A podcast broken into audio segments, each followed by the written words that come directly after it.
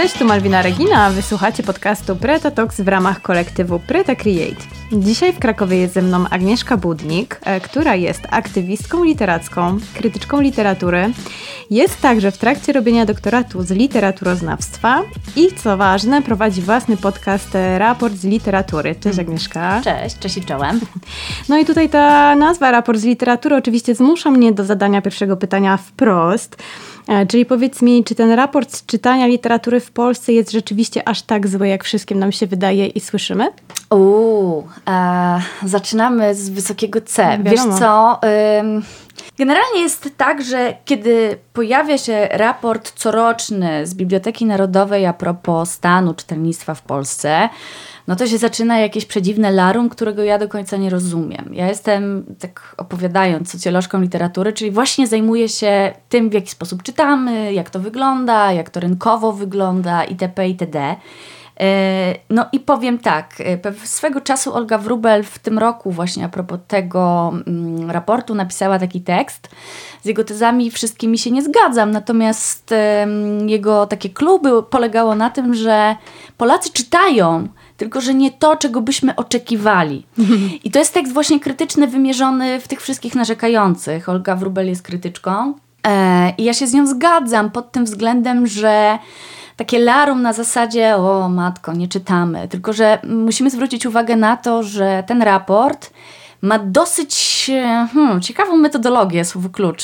Ciekawą dla mnie, wybaczcie słuchacze, ale e, polega to na tym, że na przykład nie jest tam brane pod uwagę za bardzo, na przykład słuchanie podcastów mm, albo takich form dźwiękowych i nie jest też tam brane pod uwagę czytanie artykułów w internecie, których może być przecież mnóstwo, mogą być bardziej wnikliwe niż, nie wiem, nie jedna interpretacja gdzieś wydana książkowo.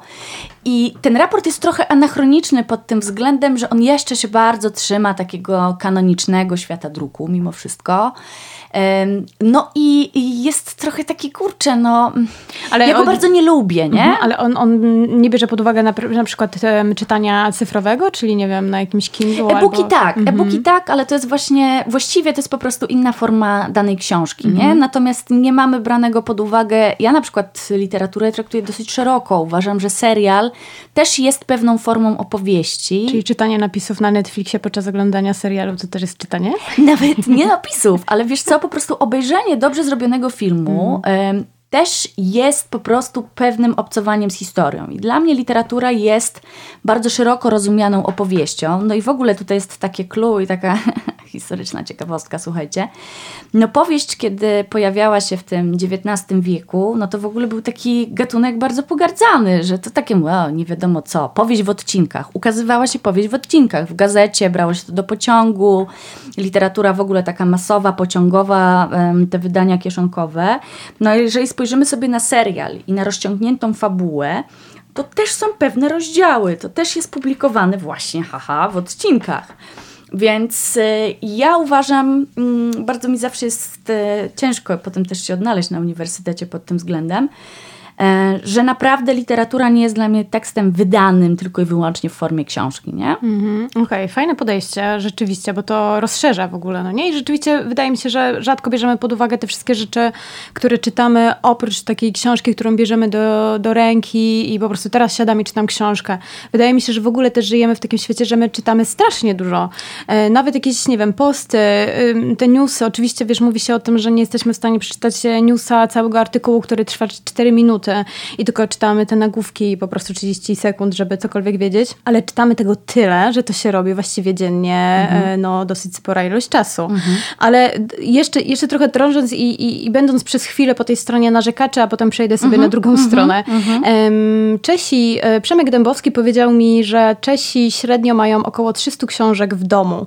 Mm, Tak jak e, rozmawiasz z ludźmi, bo no, po prostu dużo rozmawiasz o literaturze, oczywiście jesteś, jesteś też w jakiejś bańce, ale kiedy wychodzisz z tej bańki, to mhm. masz wrażenie, że, e, że rzeczywiście nie czytamy, bo ja nie jestem w bańce literatury, e, tak jakby moi znajomi nie zajmują się tym, co ty, a mam wrażenie, że jednak e, czytają całkiem sporo i mają tych książek imponująco dużo. Mhm.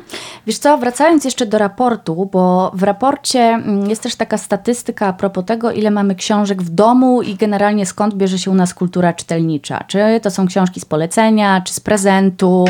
I właśnie te dwie formy, polecenie i prezent, tego jest bardzo dużo, ale jest też całkiem spory odsetek książek, które są w domu. E, rodzinnym i tak dalej, i tak.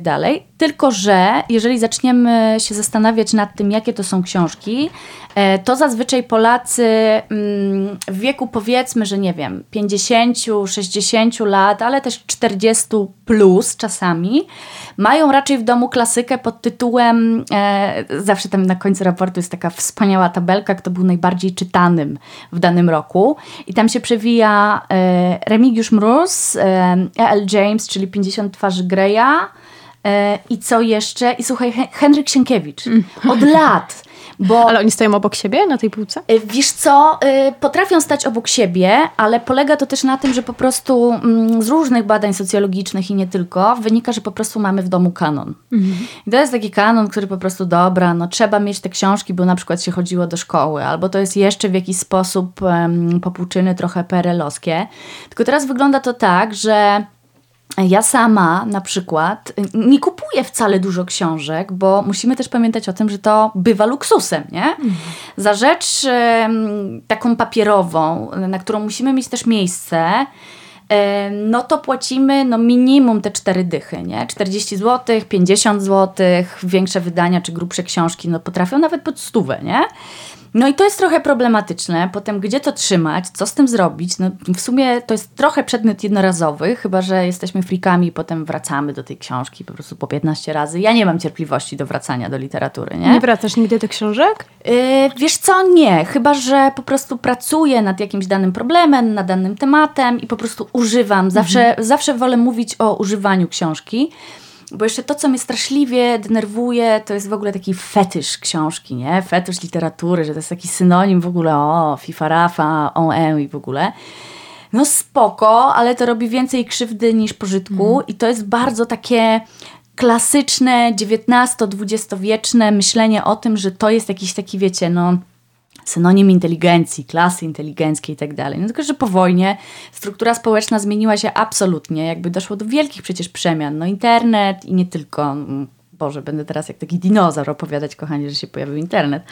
E, ale no nie, nie, nie, nie, naprawdę. Czasami ważniejsza dla mnie jest, y, po prostu chyba ważniejsza jest dla mnie rozmowa o danym problemie, który się pojawia w danej literaturze, a czego po prostu nienawidzę, to jest czytanie na wyścigi, kolekcjonowanie książek jako przedmiotów właśnie. Yy, żeby je po prostu mieć, mieć ich jak najwięcej. W ogóle potem wiecie, e, jak jest kampania polityczna czy coś, to ludzie siadają, albo jak była pandemia, siadają na tle po prostu regału z książkami, nie? Jakby, mhm. o mój Boże, no masakra. Jeden z kandydatów to miał nawet po prostu tapetę w książki gdzieś tam w tle, nie? Byleby było. Mhm. E, no. E, tak, myślę, że poruszyłaś strasznie dużo rzeczy, które ja, ja też chciałabym właśnie mhm. dzisiaj, dzisiaj poruszyć, więc będziemy sobie wracać do tych kwestii, ale mm, jeszcze, jeszcze trochę o tym, mm, czemu niby, właściwie no czemu nie czytamy tego, e, nie czytamy tak dużo może jak, e, jak inne kraje, jak inne narodowości, które właśnie też są po sąsiedzku, więc to widzimy, że to nie wynika z jakiegoś takiego historycznego rysu, skoro Czesi mogą czytać, a my nie, to coś tu jest, gdzieś indziej jest problem.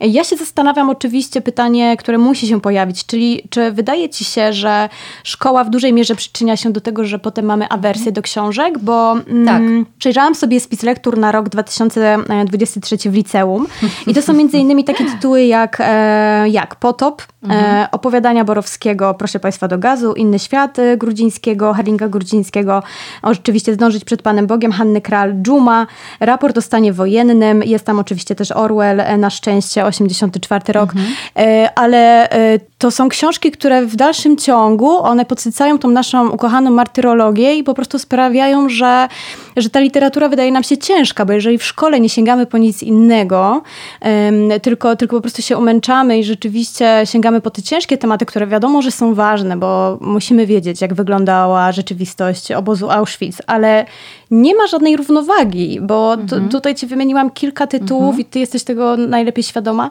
Czy, czy myślisz, że to jest duży, duży problem, jeśli chodzi właśnie też o kanon lektury i o szkołę? Mm, to jest ogromny problem. Z mojego punktu widzenia to jest ogromny problem, ale to jest też sposób, w jaki sposób postrzegamy literaturę i co ona powinna nam robić. To są takie dwa podstawowe pytania, nie? No bo tutaj mamy, ja uważam, że literatura powinna dzisiaj, jeżeli miałabym robić jakąś taką, nie wiem, misję do szkoły, czego nie chcę robić, e, no jest pewnym narzędziem do kształtowania społeczeństwa obywatelskiego. Natomiast e, kanon szkolny jest tutaj postrzegany bardzo mocno, to jest też znowu XIX-wieczne e, trochę, po prostu jako kanon narodowy, jako kanon, który ma służyć gdzieś tam stworzeniu pewnej wizji, która ma, e, wiecie, nieść ten naród dalej. E, to jest trochę kanon też taki, wiecie, te tytuły, które akurat wymieniłeś, nie są jeszcze najgorsze. Mhm. Uważam, że Dżuma jest super pod tym względem, że jeżeli by ją przeczytać w jedną i w drugą stronę, to jest niesamowicie dobra po prostu metafora, którą można sobie przekładać na różny czas, ale wiele rzeczy takich się pojawia. Tak, nie? te wszystkie oczywiście tytuły, one są super ważne i to są książki, które, które potrafią zmienić życie i jakiś światopogląd i to nie o to chodzi. Bardziej mi też chodzi też tutaj e, o właśnie o tą martyrologię, o to, że mhm. my cały czas też w tym kanonie... No mamy tam tego Mickiewicza, dziady i w ogóle wszystko takie i jakby dobra, okej, okay, fajnie, że to jest, natomiast ja nie jestem zwolenniczką czytania po prostu jakiegoś, wiecie, okładania się tą literaturą, bo ona po prostu odpowiadała na pewien kontekst społeczny, który dzisiaj jest nieczytelny. I on po prostu nie będzie czytelny, chyba że dołożymy do tego jeszcze 300 zajęć a propos tego, jak to kiedyś było, a w ogóle to widać zebory, nie? Mhm. Spoko. Natomiast e, zaczynam się zastanawiać, czy to po prostu nie jest historia literatury, którą powinni studiować mhm. specjaliści, bo potem właśnie na polonistyce, którą też skończyłam, no przechodzi się przez te wszystkie tam epoki w ogóle, o mój Boże, i umiera się nad tym niesamowicie. Natomiast no, ja to muszę wiedzieć, żeby móc jakkolwiek po prostu podejmować rozmowę o literaturze, znać pewne konteksty i móc nad nimi panować. Ale nie uważam, że każdy potrafi to robić i nie uważam, że każdy musi to robić. Absolutnie nie. Ja uważam, że literatura przede wszystkim dzisiaj w tej społeczności, w której żyjemy, w tym społeczeństwie, w którym żyjemy, mm, ma nas nauczyć i pokazać nam taki narzędziownik, taką skrzynkę jak w ogóle radzić sobie A z dezinformacją, e, B w ogóle jak wyrobić w sobie taki nawyk krytycznego myślenia, bo laboratorium fikcji to jest właśnie dla mnie też literatura i też takie laboratorium rzeczywistości. Literatura służy po to, żeby właściwie, mm, według mnie oczywiście, wszystko co będę mówić jest według mnie, um, sprawdzić jak działają pewne rozwiązania, co jest możliwe, jaki scenariusz niesie za sobą jakie konsekwencje. To jest w ogóle takie podstawowe zadanie nomen omen e, science fiction, nie? Czyli żeby sprawdzić sobie, w którą stronę pójdziemy. Lem jest takim przykładem. Mm nomen omen tutaj lwowsko-krakowskim. E, a propos tego... No Orwell tak samo. Tak, to, to tak, ja się tak, cieszę, tak, że on tak. wszedł do kanonu, bo za moich czasów e, dawno mhm. temu nie był, nie, nie był obowiązkową lekturą, a uważam, że to już od dawna powinien, powinna być rzeczywiście obowiązkowa lektura. E, ale Aga, trochę też pytam o to, e, cały czas gdzieś tam przy tej liście, e, mhm. bo żeby też jasno, żeby to dobrze, mocno wybrzmiało, że to są wszystko bardzo, bardzo ważne lektury. E, świe, świe, świetne lektury. Bez które, potopu byśmy przeżyli przeżyli, no, uważam. Tak, właśnie może, może oprócz, nie wiem co za sobą ma w tym momencie rzeczywiście, jaki naród ma budować potop, krzyżacy e, i chłopi, bo że tak jak powiedziałaś, że to już po prostu nie są te czasy i... i, i... Chłopi jeszcze tak, ale to mniejsza, no. tak, bo myśmy sobie mogły, tak, ja, ja, kochani, nie, potop jest akurat jeszcze, y, fu, e, chłopi są jeszcze ciekawi, a propos jeszcze filmu, który teraz e, trochę święci triumfy, no tej pos ta postać tej kobiety, nie, która jest po prostu, wiecie, no... Pff, przez społeczność jakąś niesamowicie wyklęta, e, a jest jednak dosyć ważną postacią, nie spoilując wam, wam chłopów i mogłaby być trochę ikoną ruchu feministycznego mm. nawet być może. E, ale dobra, tak, bo ja tutaj, wiesz, mogę gadać ale i gadać. Ale my dzisiaj tak na to patrzymy. Ciekawe, czy, czy rzeczywiście Raymond miał to też tak na myśli. To w ogóle nie jest e, istotne, nie? co mm. Raymond chciał. I to jest właśnie piękno literatury, że możesz ją sobie czytać poza kontekstem i robić z nią, co ci się żywnie podoba. I absolutnie nie słuchajcie tego, że macie czytać w taki sposób, jaki jest określony. Zupełnie nie. Ja uważam, że trzeba to używać, tego używać, nie? Czy bierzesz sobie jedną rzecz, która cię fascynuje i zaczynasz sobie wokół niej myśleć o czymś, nie? Gdzieś budować jakiś dyskurs. Startujesz na przykład z, e, o tej Bogu ducha winnej kobiety z chłopów i potem lecisz przez cały nurt feministyczny i masz takie, kurde, zobaczcie, to się dzieje od po prostu x lat i może coś z tym zróbmy, bo już trochę żena. Mhm. No. Fajne, bardzo mocne to, co powiedziałaś. Jakoś tak do mnie trafiło, teraz sobie pomyślałam jakąś taką e, metaforę, że e, z tego wynika, co powiedziałaś, że na literaturę i nawet na te klasyki literatury możemy trochę patrzeć tak jak na sztukę. Ja tak ze swojego Ta. podwórka trochę powiem. Czyli możemy to interpretować totalnie na swój sposób na nowo, mhm. czyli właśnie mieć trochę w nosie, co autor miał na myśli, mhm. czego oczywiście szkoła nas e, nie nauczy i sami musimy do tego dojść, że możemy mieć w nosie, co autor miał na myśli, możemy mhm. mieć swoje zdanie na Nawet ten temat. trzeba. E, ale to jest super i super inspirujące, że właśnie możemy sobie pomyśleć, że patrzeć, co Raymond chciał nam powiedzieć, ale ja to widzę w ten i w ten sposób w dzisiejszych czasach, w dzisiejszym kontekście. Mhm. Ekstra. E, wiesz co, no bo tutaj znowu wracamy do takich rzeczy, wybaczcie, uniwersyteckich, bo jest kilka orientacji myślenia o literaturze. I to jest właśnie taka zupełnie podstawowa pod tytułem, znaczy myśmy parę razy już na studiach uśmiercili autora na zasadzie, o właśnie tylko tekst i tylko to, co się dzieje w tekście i im bardziej będziemy się tam w tym grzebać, te puzelki ze sobą składać, to nam się objawi jakiś niesamowity sens. No trochę guzik prawda, nie? Ja jestem raczej za czytaniem pragmatycznym, czyli właśnie używaniem literatury, że możesz wziąć sobie jedną rzecz z niej i o ile ona coś w tobie porusza i jest dla ciebie istotna, no to jedziesz z tym, nie? Jakby okej, okay, w porządku, cała powieść, ale co ci to da, że na końcu rozwiążesz krzyżówkę, a kto tam z kim i dlaczego i w ogóle co tam się działo w tej powieści. No guzik prawda, o ile to nie działa jakoś mocniej, czy na ciebie, czy po prostu nie jest jakimś ważnym elementem dyskursu, to tam palicho, nie? E, tak, tak, oczywiście, jak, jak sztukę. Literatura mhm. też jest właśnie formą sztuki, ale jest też, ja to zawsze powtarzam i zawsze się śmieję, że powinnam sobie to wytatuować ale literatura jest jednym, tylko jednym z języków mówienia o rzeczywistości, ani lepszym, ani gorszym i na pewno nie takim, który powinien budzić w nas wstyd, że czytamy, nie wiem, za mało, niedokładnie, nie tak, nie wszystko. Mm, nikt nie przeczyta wszystkiego. Banał banalny, ale no, no nie, wybierajmy sobie te rzeczy, które mogą coś nam dać, nie? Mhm. Albo po prostu, nawet nie tyle, mm, co nam dać, bo zawsze moje koleżanki się ze mnie śmieją, że zazwyczaj daje im jakąś taką lekturę, która nigdy nie jest łatwa, chciałyby coś poczytać na wakacjach, a tam po prostu się dzieje jakiś rozpad świata i w ogóle. Ale ja osobiście lubię taką literaturę, która mi po prostu przeszkadza i z którą ja coś muszę zrobić, przemyśleć, poszerzyć swoje jakieś gdzieś tam, wiecie, pole empatyczne i tak dalej, i tak dalej, nie? Mhm. Wpadło mi oczywiście teraz do głowy Małe Życie, które mnie poturbowało mhm. na maksa i do tej pory po prostu to jest książka, którą mam na półce, ale ja nie mogę nawet na nią patrzeć, bo tak, tak mocno mnie dotknęła w życiu, mnie, książka tak mocno mnie dotknęła jak Małe Życie. Mhm. Um, ale y, okej, okay, jeszcze y, ostatnie pytanie do, do tego kanonu, bo tutaj też chodzi mi o, wiesz, o tą kreatywność wyobraźni, o której chciałam też mhm. właśnie troszeczkę, żebyśmy zahaczyły o ten temat.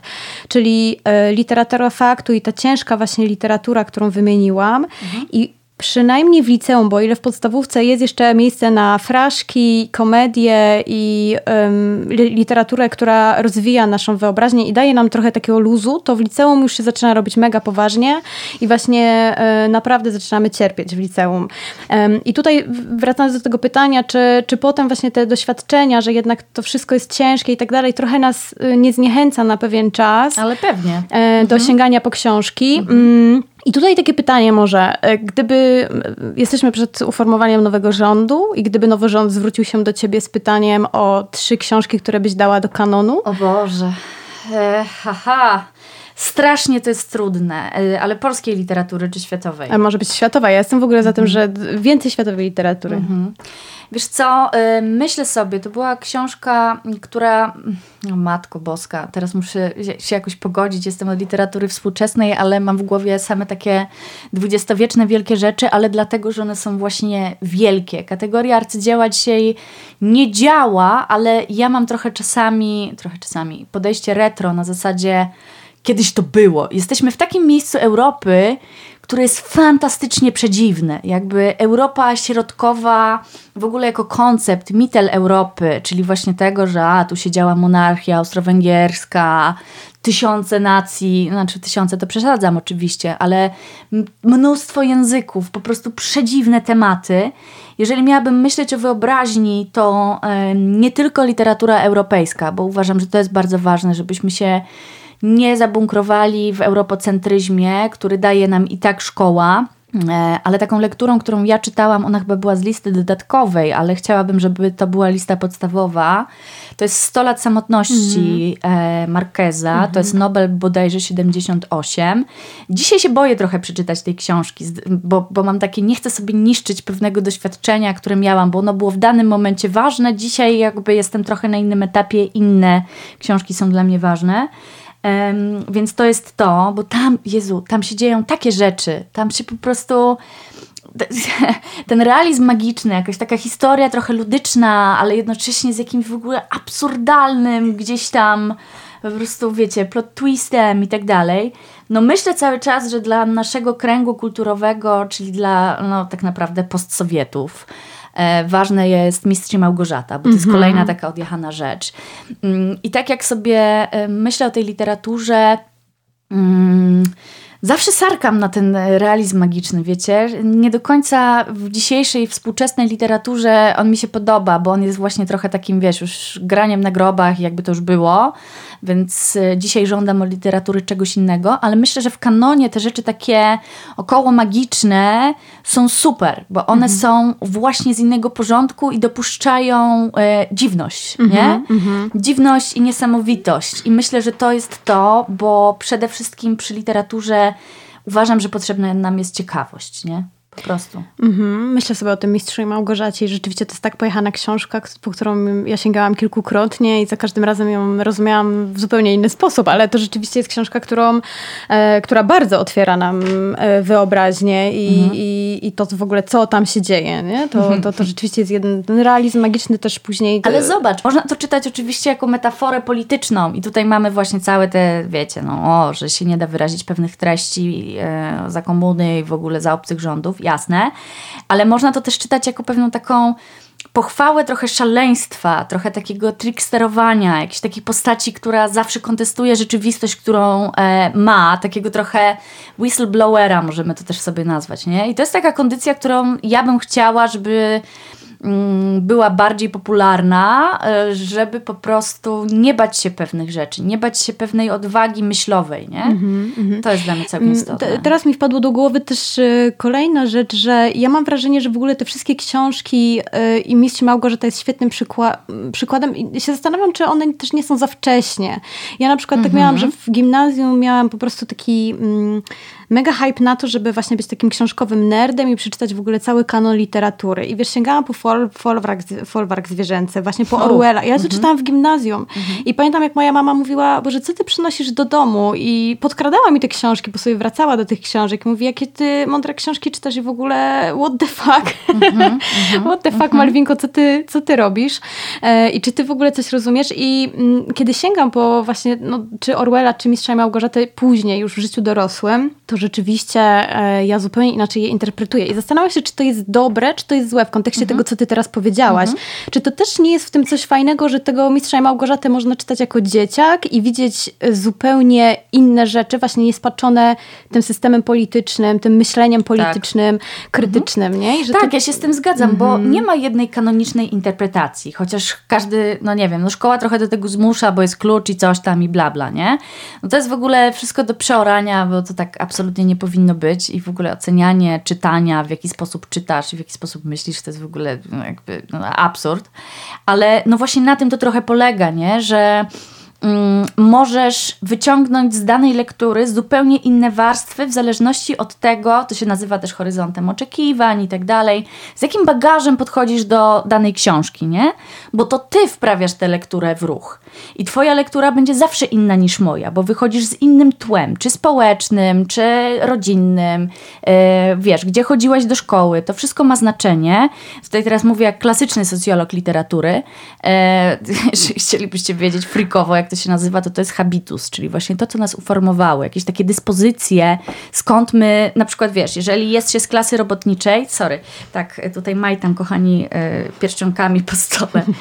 Mm, jeżeli jesteś z klasy robotniczej, będziesz zwracała uwagę na zupełnie inne elementy w danej książce, nie? Wykluczenia społecznego, awansu i tak dalej. Jeżeli to nigdy nie był jakiś taki temat, który ciebie zaprzątywał w jakikolwiek sposób, to będziesz miała więcej przy sobie, nie wiem, być może wyobraźni, jakiegoś takiego kombinowania, gdzieś chodzenia wokół pewnych idei, ale yy, tak, tak, może mhm. tu postawię kropkę. Mhm. mhm. Często sięgasz po książki z dzieciństwa? Nie. Nie wracasz w ogóle do, nie, nie wiem, baśni Andersena, do... Um, pamiętam mamy, kiedy odkryłam, że bracia Grimm tak naprawdę byli super mroczni i są tak, tak. ocenzurowani tak. i to mhm. jest też ciekawy, e, ciekawy case. Nie wracasz? Nie. To co czytasz dzisiaj, żeby pobudzić wyobraźnię, może nie z taką premedytacją, ale nie wiem, może coś czytałaś ostatnio, co tak mocno rzeczywiście pobudziło twoją wyobraźnię, mhm. kreatywność, co tak otworzyło w ogóle jakąś nową klapkę w głowie? Mhm. E, wiesz co, mm, ja już, e, chciałam powiedzieć, żyję na tyle długo, ale no, jakby przestańmy w takie kombatanstwo. Ja wiem, czego ja oczekuję od literatury, tak sobie myślę. E, a jeżeli nie wiem, to potem się dowiaduję w trakcie lektury i to też jest super. Można czytać tak, żeby uzyskać pewną informację o świecie i gdzieś nakarmić tą funkcję poznawczą. Jasne, natomiast e, mnie bardzo, bardzo fascynuje takie splątanie tożsamościowe i tego, jak woła nas ta ziemia, nie? którą gdzieś tutaj mm, zamieszkiwało no przeróżna po prostu, wiesz, gromada ludzi, przeróżnych językach i tak dalej, i tak dalej. Wczoraj, bo jesteśmy w Krakowie w trakcie festiwalu Konrada, yy, który trwa cały tydzień, to jest Międzynarodowy Festiwal Literatury. Wczoraj gościem festiwalu w prowadzeniu Grzegorza Jankowicza był Gorgi, y, Georgi Gospodinow no to jest pisarz, który jest niezwykły. I ja uważam, że jest e, kandydatem do Nobla, gdyby Nobel był trochę bardziej progresywną nagrodą. Najszybciej dostanie ją za jakieś 10-15 lat, bo żeby dostać Nobla trzeba być odpowiednio starym. I nie żartuję, na to są też badania. Um, ale to jest um, Schron przeciwczasowy, jego ostatnia taka powieść, bo teraz wznowiono jego poprzednią, ale to nie jest najnowsza. Polega na tym, że to jest trochę nawiązanie raz, że do kultury tej Europy, właśnie mitel Europy i tak dalej, ale mamy gościa, mm, który rozpoczyna, rozmawia z takim mm, drugim gościem, który jest lekarzem, zajmuje się trochę demencją, tego typu rodzajami i on tworzy taki eksperyment, taki dom dla osób starszych i dom dla osób trochę zagubionych w czasie. Czyli są w nim pokoje z różnych momentów, z różnych dekad, czyli jeżeli ktoś bardzo mocno żyje w doświadczeniu wojennym, gdzieś traumy wojennej, e, to na przykład taka pani ma swój pokój w piwnicy, gdzie po prostu cały czas musiała się chronić przed nalotami bombowymi. Ale jest ktoś, którego takim kluczowym doświadczeniem, nie wiem, były lata 60. i on ma właśnie takie miejsce, nie? I w ogóle bardzo interesuje mnie rozmowa z pamięcią. Bardzo, bardzo, bardzo, bo uważam, że to jest niezwykle istotne, mm, nawet nie mówię o tym, żeby gromadzić pamięć, że tam o co się działo, a w ogóle to martyrologia. W ogóle nie, ale po prostu starzejemy się, każdy z nas się starzeje. I bardzo mnie ciekawi ta historia, bo literatura nam pokazuje, że właściwie wiecie, nie wiadomo, co się wydarzy. I to jest to całe piękno. I to nas trochę oswaja z różnymi sprawami. E, oswaja nas trochę z rozpadem znaczeń, z rozpadem różnych doświadczeń, bo się okazuje też, że jeżeli czytamy rzeczy starsze albo zupełnie najnowsze, problemy ludzkie są takie same. Nie? I jakby, wiecie, nie chcę to jakoś super uniwersalizować, ale trochę odnalezienie się w różnej fikcji albo mm, takie poczucie rozpoznania, ja też tak mam, bywa budujące na takim zupełnie ludzkim poziomie, nie? Już nie mówię tutaj o takiej lekturze, nie wiem, powiedzmy, że quasi profesjonalnej, czyli co, skąd, jak, bo to, że ja ci powiem, że to jest nawiązanie, wiesz, do czarodziejskiej góry i tak dalej, nie musisz tego wiedzieć, to jest jakby moje zadanie jako krytyczki, żeby móc wyrysować taki kontekst, żebyś wiedziała skąd to się bierze, dlaczego to jest takie istotne w tym miejscu Europy i że może jeżeli to rzeczywiście pokrywa się z jakimś twoim doświadczeniem, bo twoja rodzina na przykład nie jest e, oryginalnie w cudzysłowie z tych ziem, żebyś też wiedziała, że możesz się dowiedzieć, jakie oni mieli problemy w danym czasie i odkryć, że to są bardzo podobne problemy, migracyjne i nie tylko, nie?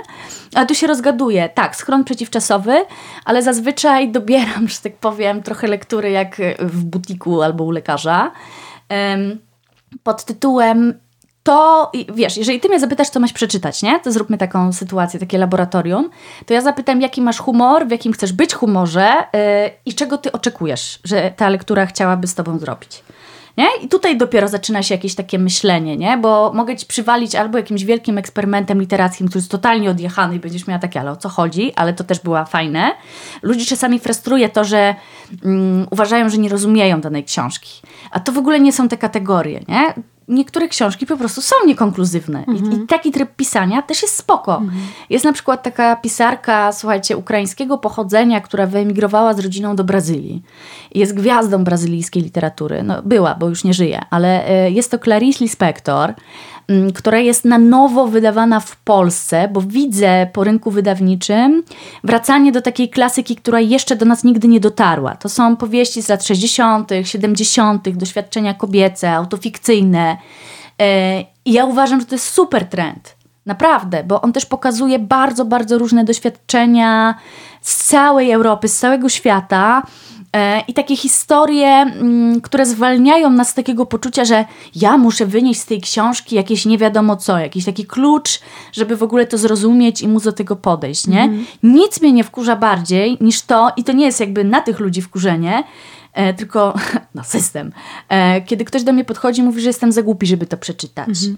Ale to samo, ja cały czas mam z tyłu głowy tą sztukę, bo siedzę nad odcinkiem o Marku Rodko i po prostu Rodko jest tutaj cudowne, tak. bo on mhm. sam mówił, że sztuka nie jest dla historyków sztuki. Sztuka, jakby ty nic nie musisz wiedzieć, żeby podejść do mojego obrazu i to znaczy on mega po prostu bardzo dużo mm, całą twórczość skupił na tym, żeby po prostu to było jeden do jednego, czyli to jest mój obraz, gdzie nie narzucam ci żadnego tematu, żadnej interpretacji, patrzysz się na niego i on działa na, na ciebie w jeden konkretny sposób dla ciebie. Mhm. Na kogoś innego będzie działał, działał zupełnie inaczej. Komuś może dawać radość, a komuś może dawać tą dramę, o której cały czas e, mhm. mówił. Mhm. Też swojej twórczości. I dokładnie cały czas mam to, to z tyłu głowy i myślę, że to jest to samo i otworzyłaś mi jakąś klapkę w głowie, że rzeczywiście z literaturą jest dokładnie tak samo, że, że my nie musimy się bać tych trudnych książek, które właśnie być może w gimnazjum, w liceum w ogóle myśmy ich nie zrozumieli i my już w ogóle mhm. do nich nie wracamy. Właśnie na przykład Mistrz Małgorzata byli dla nas pojechani na maksa.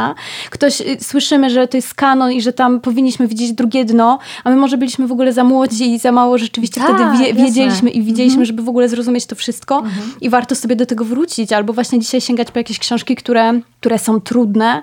E, teraz mam w głowie Ulyssesa. E, o Jezu, nie, nie czytajcie tego, nie ma po co. To jest jedyna książka, gdzie pamiętam moja wychowawczyni polońska powiedziała, że to jest jedyna książka, której Ale tego się, się nie, nie czyta. Której się nie czyta rzeczywiście. I być może, no właśnie, i być może y, nie bać się powiedzieć, ej, tego się nie da przeczytać, bo to też jest niesamowita odwaga. Wiecie, tak jakby też z tych takich naszych, z, z, z tych naszych takich masek, że jesteśmy właśnie tacy, tak, czy to jest, tak. czytanie książek jest związane z inteligencją i tak dalej. Tak jakby nie, no czytanie książek, książki są pisane dla ludzi, nie? Ulises jest bardzo dobrym przykładem, dlatego, że on pokaże tutaj dużo mechanizmów. Ja też wychodzę z uniwersytetu yy, i widzę, że nie ma tam dla mnie w tej formie, w jakiej uniwersytet istnieje miejsca, nie? Bo nie interesuje mnie pisanie tekstu dla grona specjalistów w liczbie trzech, nie? To, to w ogóle jest nie tędy i to jest w ogóle przeciw literaturze i tego, jak powinna ona działać. Ulises był super ważny w danym momencie historycznym, dlatego że wprowadził nam coś takiego jak strumień świadomości, że to nie musi być taka narracja klasyczna, trzecioosobowa, wielkopowieść, tylko można wejść komuś do tego przysłowiowego łba i po prostu wyrzucić, co tam jest. To może być nawet strumień dziwnych słów. Tylko, że my to już dzisiaj wiemy, i spoko. Więc nie musimy jakby wiedzieć. Kiedyś pewien profesor mi powiedział taką rzecz, chyba na pierwszym czy na drugim roku studiów, która mnie od razu nastawiła na to, kim jestem dzisiaj jako literaturoznawczyni, czy no, mo może powinnam mówić szerzej, nie wiem, kulturoznawczyni. E jeżeli ja cię proszę o opisanie krzesła, to opisz mi to krzesło, a nie historię krzesła od starożytnego Egiptu do dzisiaj, nie? I to jest trochę to, bo my wiemy, do czego służy krzesło.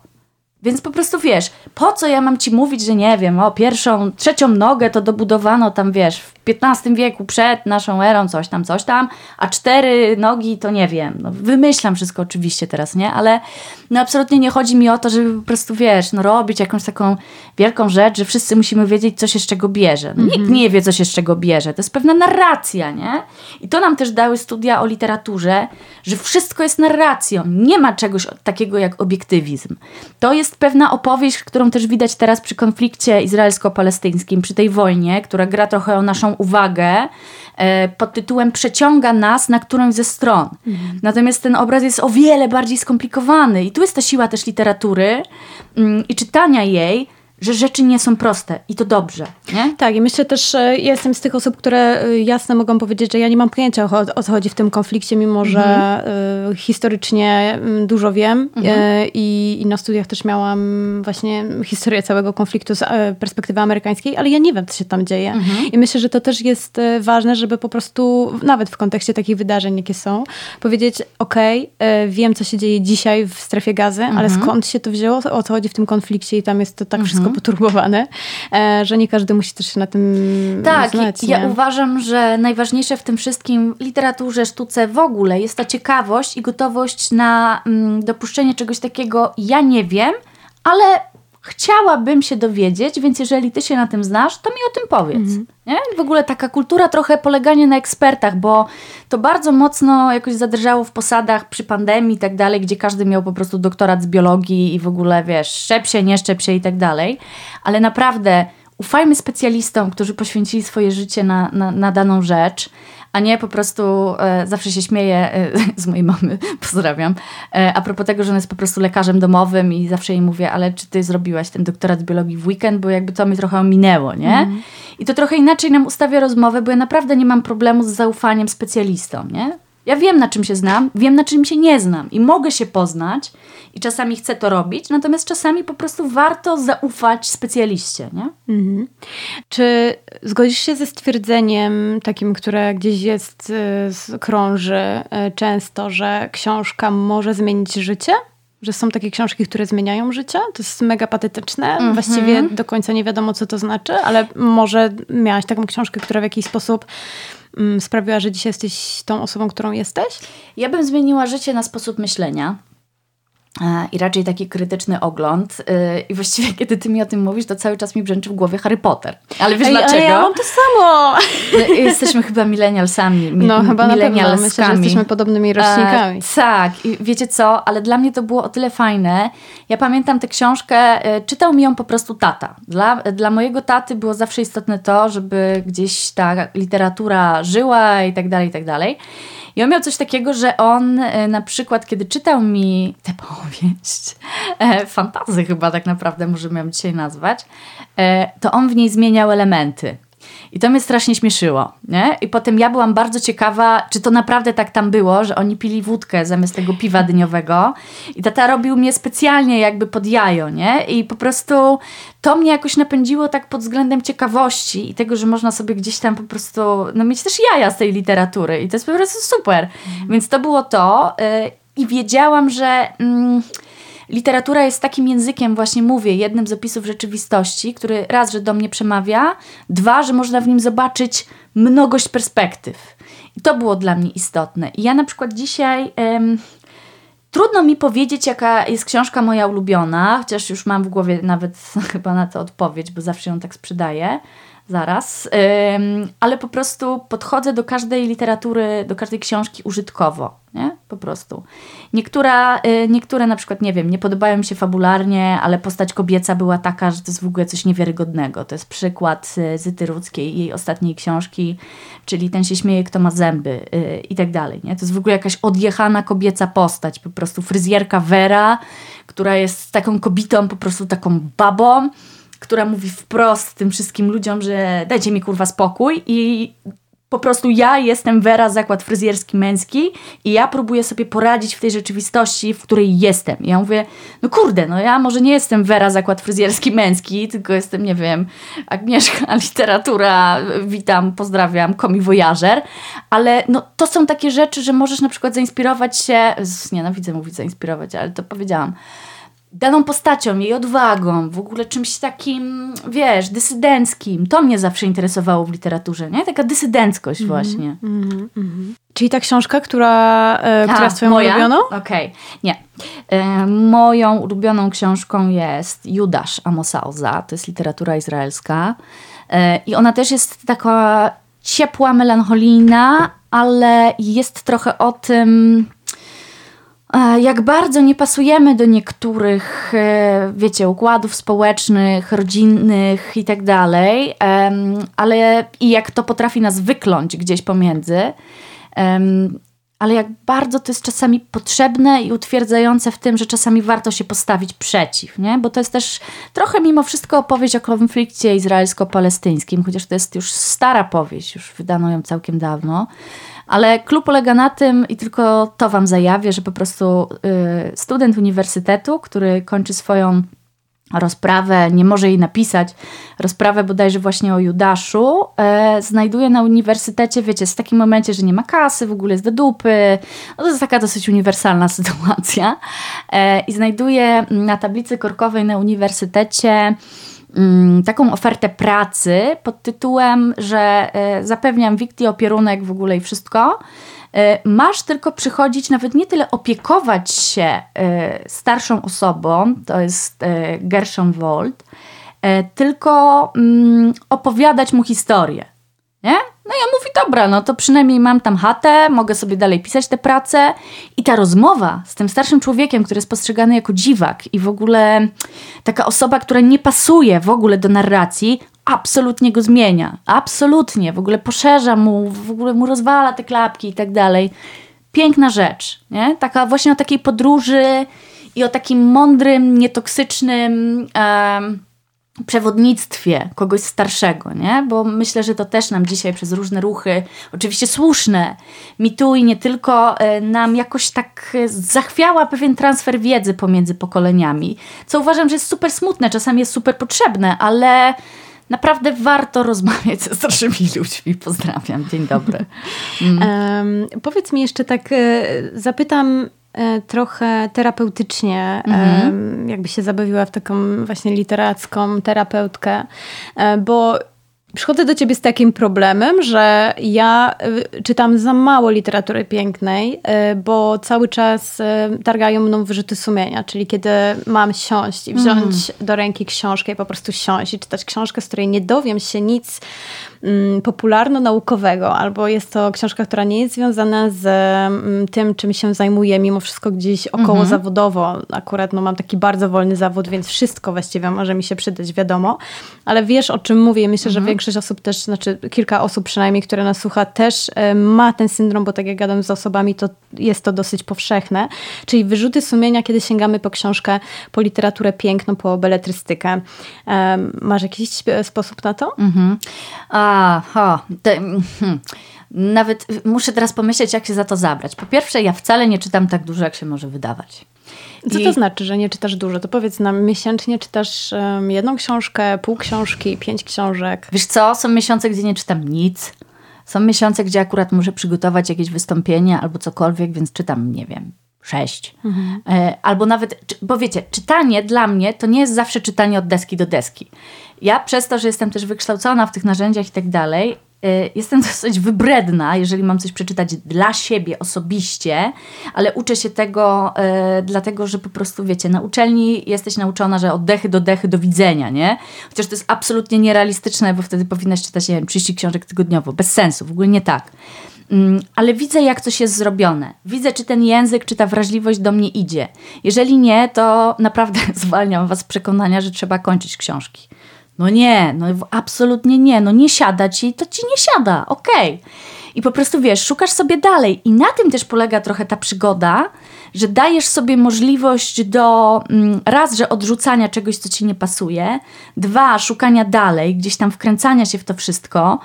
E, I mówię, dla mnie to jest lektura, która daje ci narzędzia do rozbioru trochę rzeczywistości, nie? I uczy drugiego człowieka, to też brzmi górnolotnie, ale trochę daje taki właśnie wgląd, że wszyscy jesteśmy tak naprawdę ludźmi, jakby nie ma co myśleć, że ach, z tamtym nie pogadam, bo jest jakiś zbyt, nie wiem, onfa fonfa dla mnie, nie? Jakby on e. A dlaczego? No po prostu też ma takie problemy jak my, też czasami musi zmyć naczynia i w ogóle wiecie, to jest dokładnie to samo i e, najgorsze co jest i co dała nam właśnie chyba szkoła, to jest splatanie literatury z winą, poczuciem winy i poczuciem wstydu. No to jest taki klasyk, którego ja po prostu nie znoszę. I to nam daje właśnie ta klasyczna wykładnia czytania literatury, czyli że właśnie musisz wiedzieć, co tam jest, musisz jakoś tak połączyć te klocki, żeby zawsze ci wyszedł ten sam zamek w Lego. No ale kto się bawił Lego, to doskonale wie, że cały fan polega na tym, żeby nie zbudować tak według instrukcji, jak to wygląda, tylko nie wiem, zamiast zamku w Hogwarcie, to sobie wybudować, nie wiem, samochód, jeżeli się da, no powiedzmy, nie? no jakiś mm. wózeczek.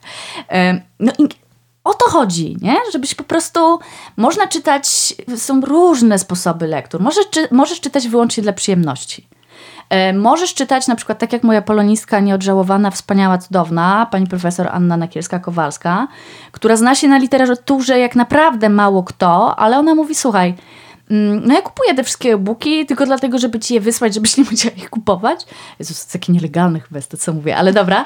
E, I wiesz co? I ona mówi, ja jak wracam do domu, to mi się tego nie chce czytać. Ja chcę obejrzeć serial albo przeczytać tylko i wyłącznie kryminał. I wiesz dlaczego czytam kryminał?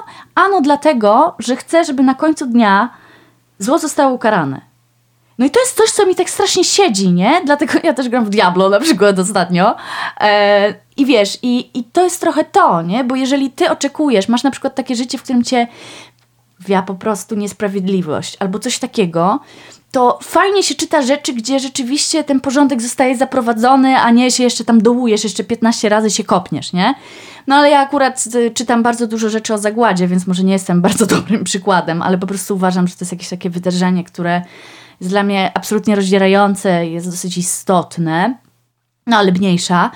No, możesz naprawdę rolować tym wszystkim, nie? Możesz dać sobie spokój, możesz dać sobie luz, możesz na przykład czytać po to, żeby się czegoś dowiedzieć, jasne, ale możesz też czytać po to, żeby się zabawić po prostu mm. jakoś dobrze, żeby tak sobie odpocząć i poznać jakieś dziwne inne postaci i mieć takie, kurde, no nie pomyślałabym, że no. Czyli zdejmujemy wszystkie ograniczenia tak. i um, wszystkie oczekiwania, które też są na tak, nas. Um, super. E, myślę, że, że to jest dobra puenta, dobre zakończenie, też takie call to action e, na koniec naszej rozmowy. E, dzięki mm. piękne za rozmowę. Agnieszka Budnik była dzisiaj moim gościem. Dzięki, dzięki bardzo.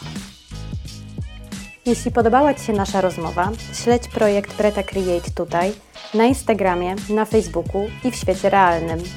W Breta Create tworzymy kreatywne szkolenia i warsztaty, nagrywamy podcasty i rozmawiamy z ludźmi z szeroko pojętej branży kreatywnej w Polsce. Przyłącz się do nas i rozwijaj ten projekt razem z nami.